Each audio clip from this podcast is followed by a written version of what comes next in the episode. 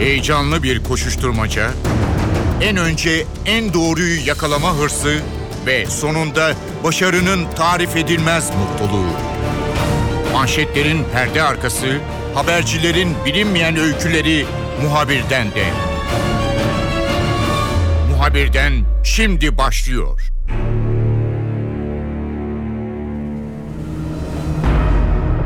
Terör örgütü PKK'nın şiddetini ve eylemlerini artırması sonrasında terörle mücadele konusunda çok önemli günler yaşanıyor. Devlet daha önceki politikasını tamamen terk etmiş durumda ve terörle çok etkin bir mücadele için ardı ardına kararlar alınıyor. Geçtiğimiz günlerde Dağlıca'da 16 asker şehit oldu. Terör örgütü PKK'nın yaptığı bir eylem sonrasında yüksek miktarda patlayıcı sonrasında hem zırhlı araçlar çok ciddi zarar gördü hem de çok yüksek oranda şehit verdi Türkiye. NTV muhabiri Gökten Bedük bu saldırı sonrasında Güneydoğu'ya gitti. Gökten bizimle olacak notlarını paylaşacak. Muhabirden başlıyor, ben Kemal Yurterim.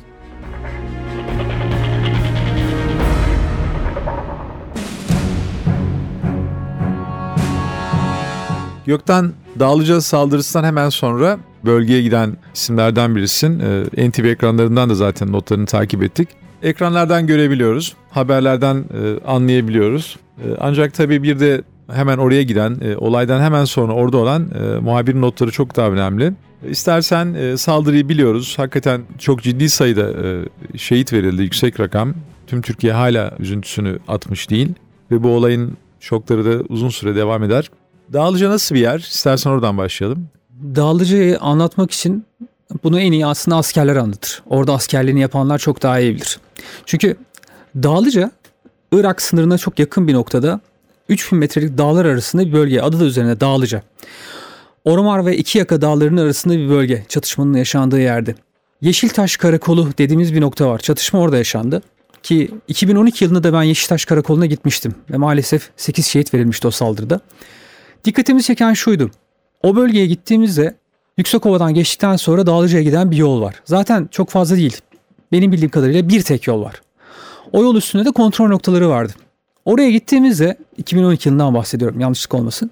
Oraya gittiğimizde 12 şehit vermiştik ve kontrol noktası vardı. Uzman çavuş kontrol noktasını kimseye geçirmiyordu. Fakat bizi gördü. Belki de beni daha önce haberlerden tanıyordu. Geç dedi. Geç ve Türkiye görsün. Ama dikkat edin yolda mayın var. Biz geçerken patlatıyorlar. Size bir şey yapacaklarını sanmıyorum ama yine de dikkatli olun dedi. Dikkatli gidin dedi. Yani biz tabii o korkuyla beraber o bölgeye gittik. Ee, nasıl bir yol? Onu anlatayım. Dediğim gibi dağların arasında 3000 metrelik dağların arasında ıssız bir yol ve çok dar bir yol. Ve yolun sonunda da bir yol Dağlıca'ya doğru gidiyor. Bir yolda Yeşiltaş köyüne doğru ayrılıyor. Yeşiltaş karakolunun olduğu yere doğru ayrılıyor. İşte yeni saldırıda o gittiğimiz yol üzerinde gerçekleşti. Hemen sol tarafımızda yolun sol tarafında da yine bir çay var. O nehir olduğu gibi e, son derece akıntılı tabii debisi de yüksek. Irak'a doğru giden bir nehir. Yolun sonunda Yeşiltaş Karakolu'na gittiğimizde dikkatimizi çeken şuydu. Yapı ve çevredeki tahkimatlar. Açıkçası çok kötüydü.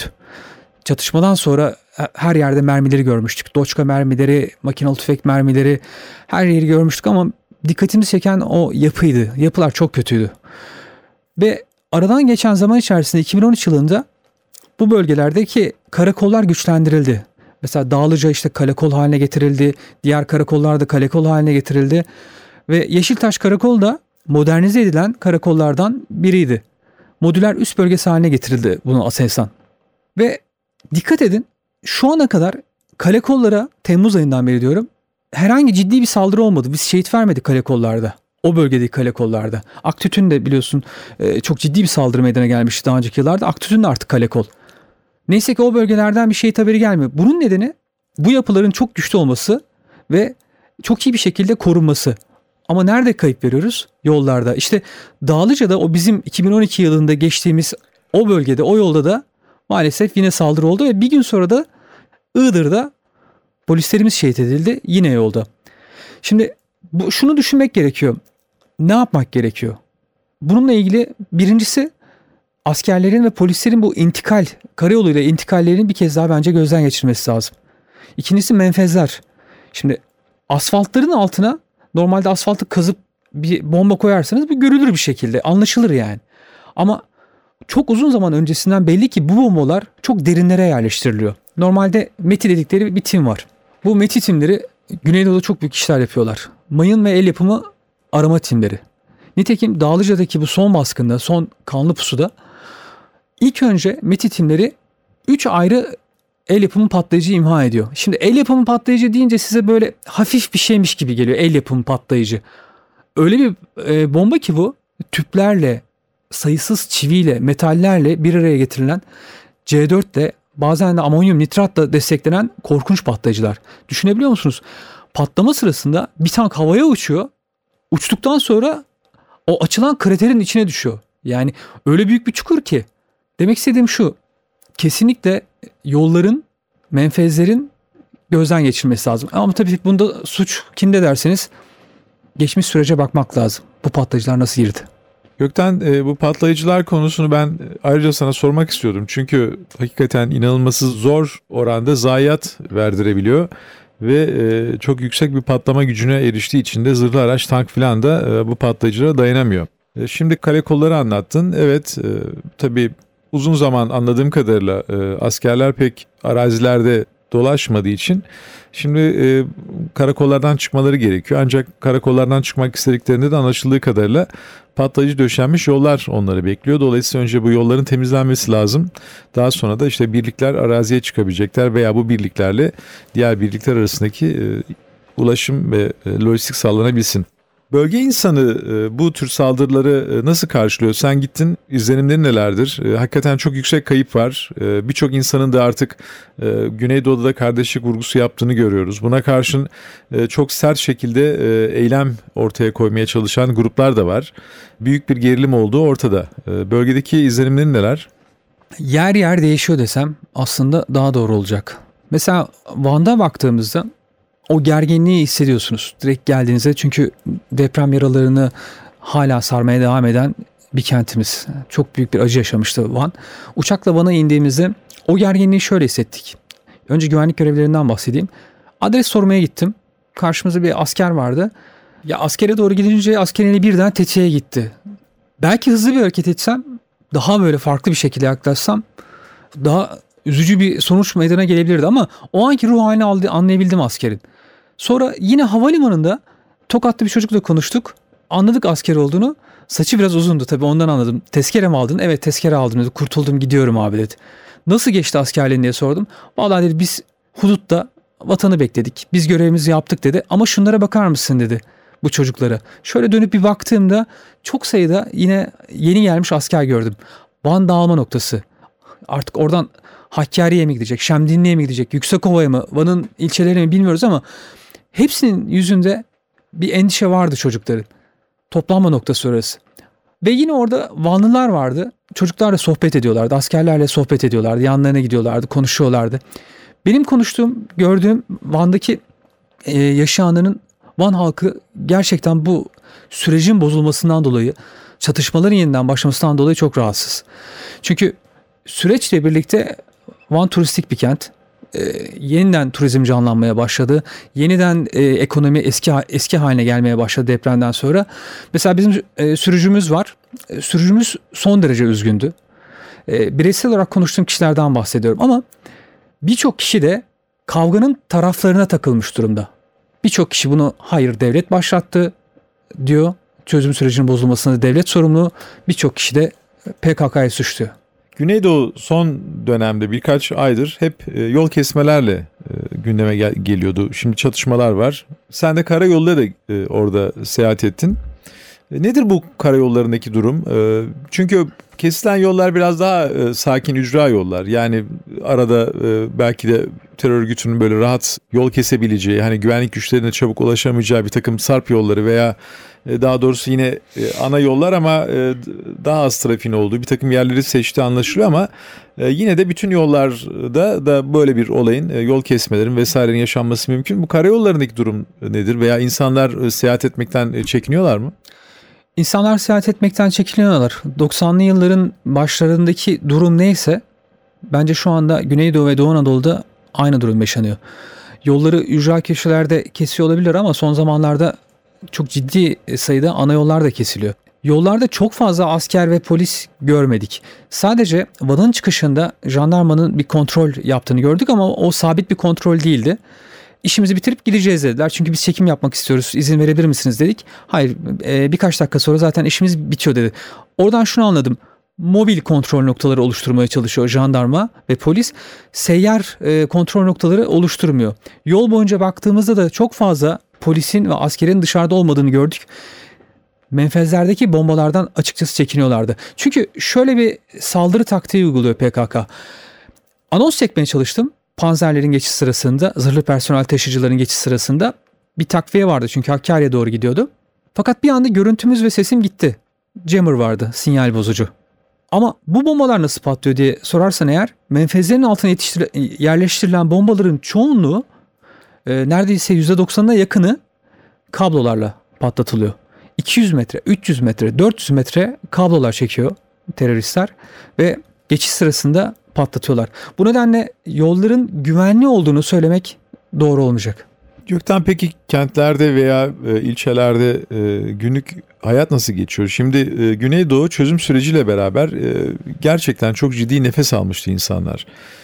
Tekrar insanların sokağa çıkabildiklerini, akşam dışarıya çıkabildiklerini, ailelerin pikniğe gidebildiklerini, köylülerin tekrar mezralarda hayvan otlatabildiklerini, bir rahatlamanın olduğunu herkes söylüyordu. Biz de görebiliyorduk. Fakat sokakta e, eylemler, mahalleleri kapatmaya çalışmalar, mahallelerde e, süren çatışmalar, barikatlar, yangınlar vesaire. Şimdi Güneydoğu'da insanlar tekrar evlere mi kapandılar? E, yoksa yine bu canlılık devam ediyor mu? Gündüz mü devam ediyor? Gece nasıl oluyor? Veya gece hakikaten herkes evine çekiliyor, gündüz mü biraz daha hareketleniyor? Nasıl oluyor orada? Yaşam nasıl geçiyor? E, Van gibi, Diyarbakır gibi şehirlerin dışında canlılık devam ediyor demek doğru olmaz. Maalesef çatışmalar yüzünden ve bu yol kesmeler yüzünden birçok bölgede çünkü saldırılar oluyor. Örneğin sadece Yüksekova'da, Dağlıca'da değil, kent içerisinde bizim kaldığımız dönemde aynı geceler içerisinde o dönemde Çatak'ta e, saldırı oldu karakola ve e, Van Başkale'de bir polis aracına e, roket atıldı, bir polis yaralandı. Bununla beraber yol kenarında Van Başkale yolu arasında bekleyen bir araçta havaya uçuruldu. Yani şimdi böyle bir ortamda o bölgedeki insanların geceleri dışarı çıkması, sosyal hayatlarına devam etmesi mümkün değil. Evet, 90'lı yıllardaki o hal durumu yok. Ancak acı bir e, saptama olacak belki ama sen mezralardan bahsettin. Şu an mezraların bir çoğunluğu özel güvenlik bölgesi ilan edildi. Çünkü PKK'lı teröristler o bölgelerden sızmalar yaparak saldırılar yapıyor. En son biz oradan ayrılırken Hakkari Valiliği 8 bölgeye özel güvenlik bölgesi ilan etmişti ki o bölgelerde operasyon başlayacağını düşünüyoruz. Yani o sosyal hayat eskisi gibi yani eskisi gibi derken daha 2-3 ay öncesindeki hayatla şimdiki hayat arasında çok fark var. Evet o hal yok ama özel güvenlik bölgeleri var. Sokağa çıkma yasağı var birçok noktada.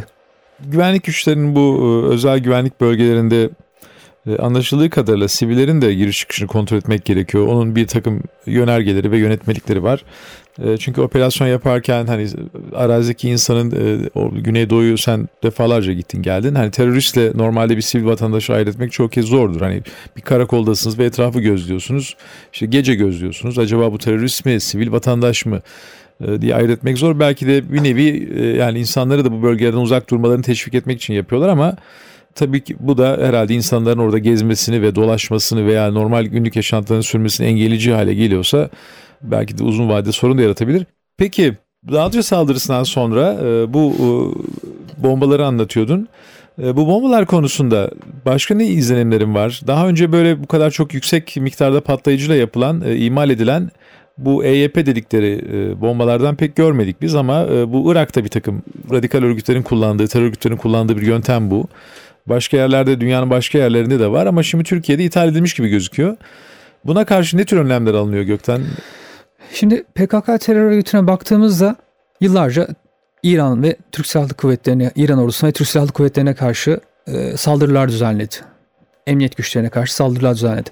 Ama asıl pratiği PKK son zamanlarda Irak'ta yaptı, Suriye'de yaptı.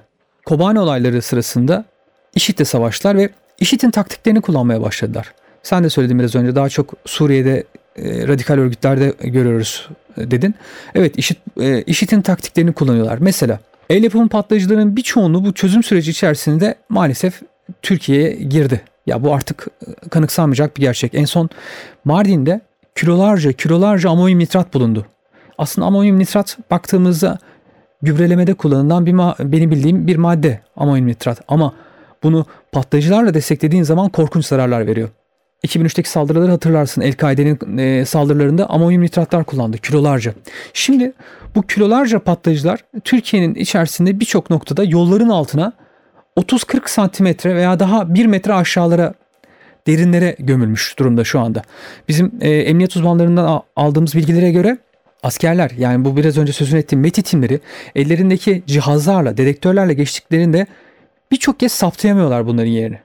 Birçok kez anlaşılamıyor çünkü çok derinde oluyor. Ve sanki uyuyan hücreler diye bir terim vardır biliyorsun. Uyuyan bombalar var birçok noktada. Bununla ilgili ne yapmak lazım? Karayollarının evet yeniden gözden geçirilmesi gerekiyor. Menfezlerin mutlaka kontrol edilmesi gerekiyor. Ama her şeyden önce en önemlisi istihbarat. Bu bombaların girişini engellemek gerekiyor.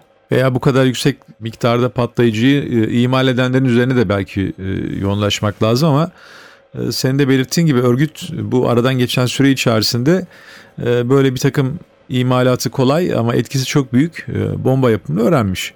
PKK'nın daha önce anti tank mayınlarını falan kullandığını biliyoruz. Anti personel mayını çok yayın, yaygın kullandığını biliyoruz. E, ancak şimdi bu defa e, dediğin gibi yani iki buçuk ton veya tonlarla ifade edilen patlayıcıları imal edip bir yerlere bunları taşımak, ondan sonra onları oraya yerleştirmek, işte kablolamak, işte birisinin de orada 500 metre kablo çekseniz bile sürekli gidip o e, ateşleme için bir yerde durması, bir yer pusuda beklemesi e, hakikaten e, dikkat çeken şeyler. Mutlaka güvenlik güçleri bununla ilgili bir şey, çalışmalar yapıyorlar veya kimsenin ben şu an mevcut duruma pek seyirci kaldığını sanmıyorum. Çünkü sonuçta herkes can taşıyor. Hem terörle mücadele etmek hem kendi canınızı korumak açısından çok önemli. E, Gökten sen uzun yıllardır Güneydoğu'ya gidiyorsun. Bildiğim kadarıyla e, sen biraz önce aslında anlattın. E, bu karakolların eski ve yeni hallerini de biliyorsun. Örgütün çok tepki gösterdiği konulardan bir tanesi bu kale kollardı. Kıyaslama yaptığın zaman eski karakollarla bu yeni karakollar arasında ne tür farklılık var? Çünkü örgüt buraları herhalde çok güçlü gördüğü için doğrudan karakollara saldırmıyor.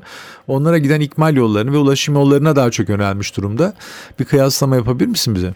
Terör örgütü kale kolların ne kadar güçlü olduğunu biliyordu. Çünkü TOKİ bu işi üstlenmişti ve son saldırıların ardından o bölgede yani sınır bölgesindeki daha önce saldırıya uğranan hemen hemen bütün karakolları kale kol haline çevirmeye başladılar. Aktütün gibi, Dağlıca gibi hep daha önce saldırılarla gündeme gelen e, karakollar artık şu anda kale kol durumunda. Bizim de gittiğimiz orada gördüğümüz kale kollar vardı. Çok güçlü kale kollar. Nasıl dersen eğer bir kere patlayıcılara karşı dayanıklı duvarları var. Kuleleri son derece yüksek, dayanıklı, insansız silahları var. İçeriden yönetilen yani karargahın içinden bilgisayarla yönetilen silahlar var. Bu nedenle örgüt buraya yaklaşmak istemiyor. Kıyas yap dersen e, 1990'lı yıllarda sonlarına doğru gittiğimizde Güneydoğu'da e, birçok karakolun çok kötü inşa edildiğini gördük. Mesela çatılarını düşün saçtan çatıları vardı. Açıp YouTube'dan bakabilirsiniz. Eski görüntüler var. Aktütün karakoluna yapılan saldırıyı zaten herkes hatırlıyor. O Aktütün'ün ilk alev alan bölgesi çatısıydı zaten. Arka arkaya mermiler yağıyordur.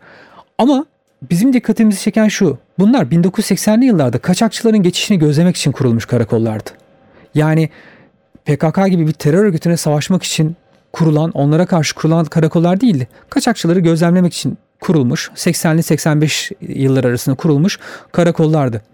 Ama zamanla bununla ilgili artık bir önlem alınması gerektiğini düşündü yetkililer. Ee, dışarıda da zaten Afganistan'da örnekleri var. Amerikalıların, ben Kabil'e de gittim. Amerikalıların orada yaptığı e, karakollar, karargahlar bellidir yani. Son derece bombalara dayanıklı, patlamalara dayanıklı karakollardır. TOKİ bunu iyi bir şekilde yaptı. Karakolları yaptı.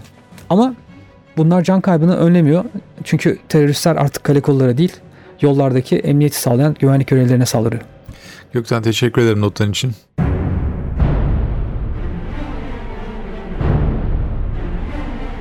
Muhabirden de bu hafta Güneydoğu'da yaşanan terörle mücadele konusunda yaşanan çalışmaları ve gelişmeleri gözden geçirdik. Ben Kemal Yurteli, muhabirden de yeniden görüşmek üzere, hoşçakalın. Haber için değil de haberin hikayesi için şimdi onlara kulak verme zamanı. Muhabirden NTV Radyo'da.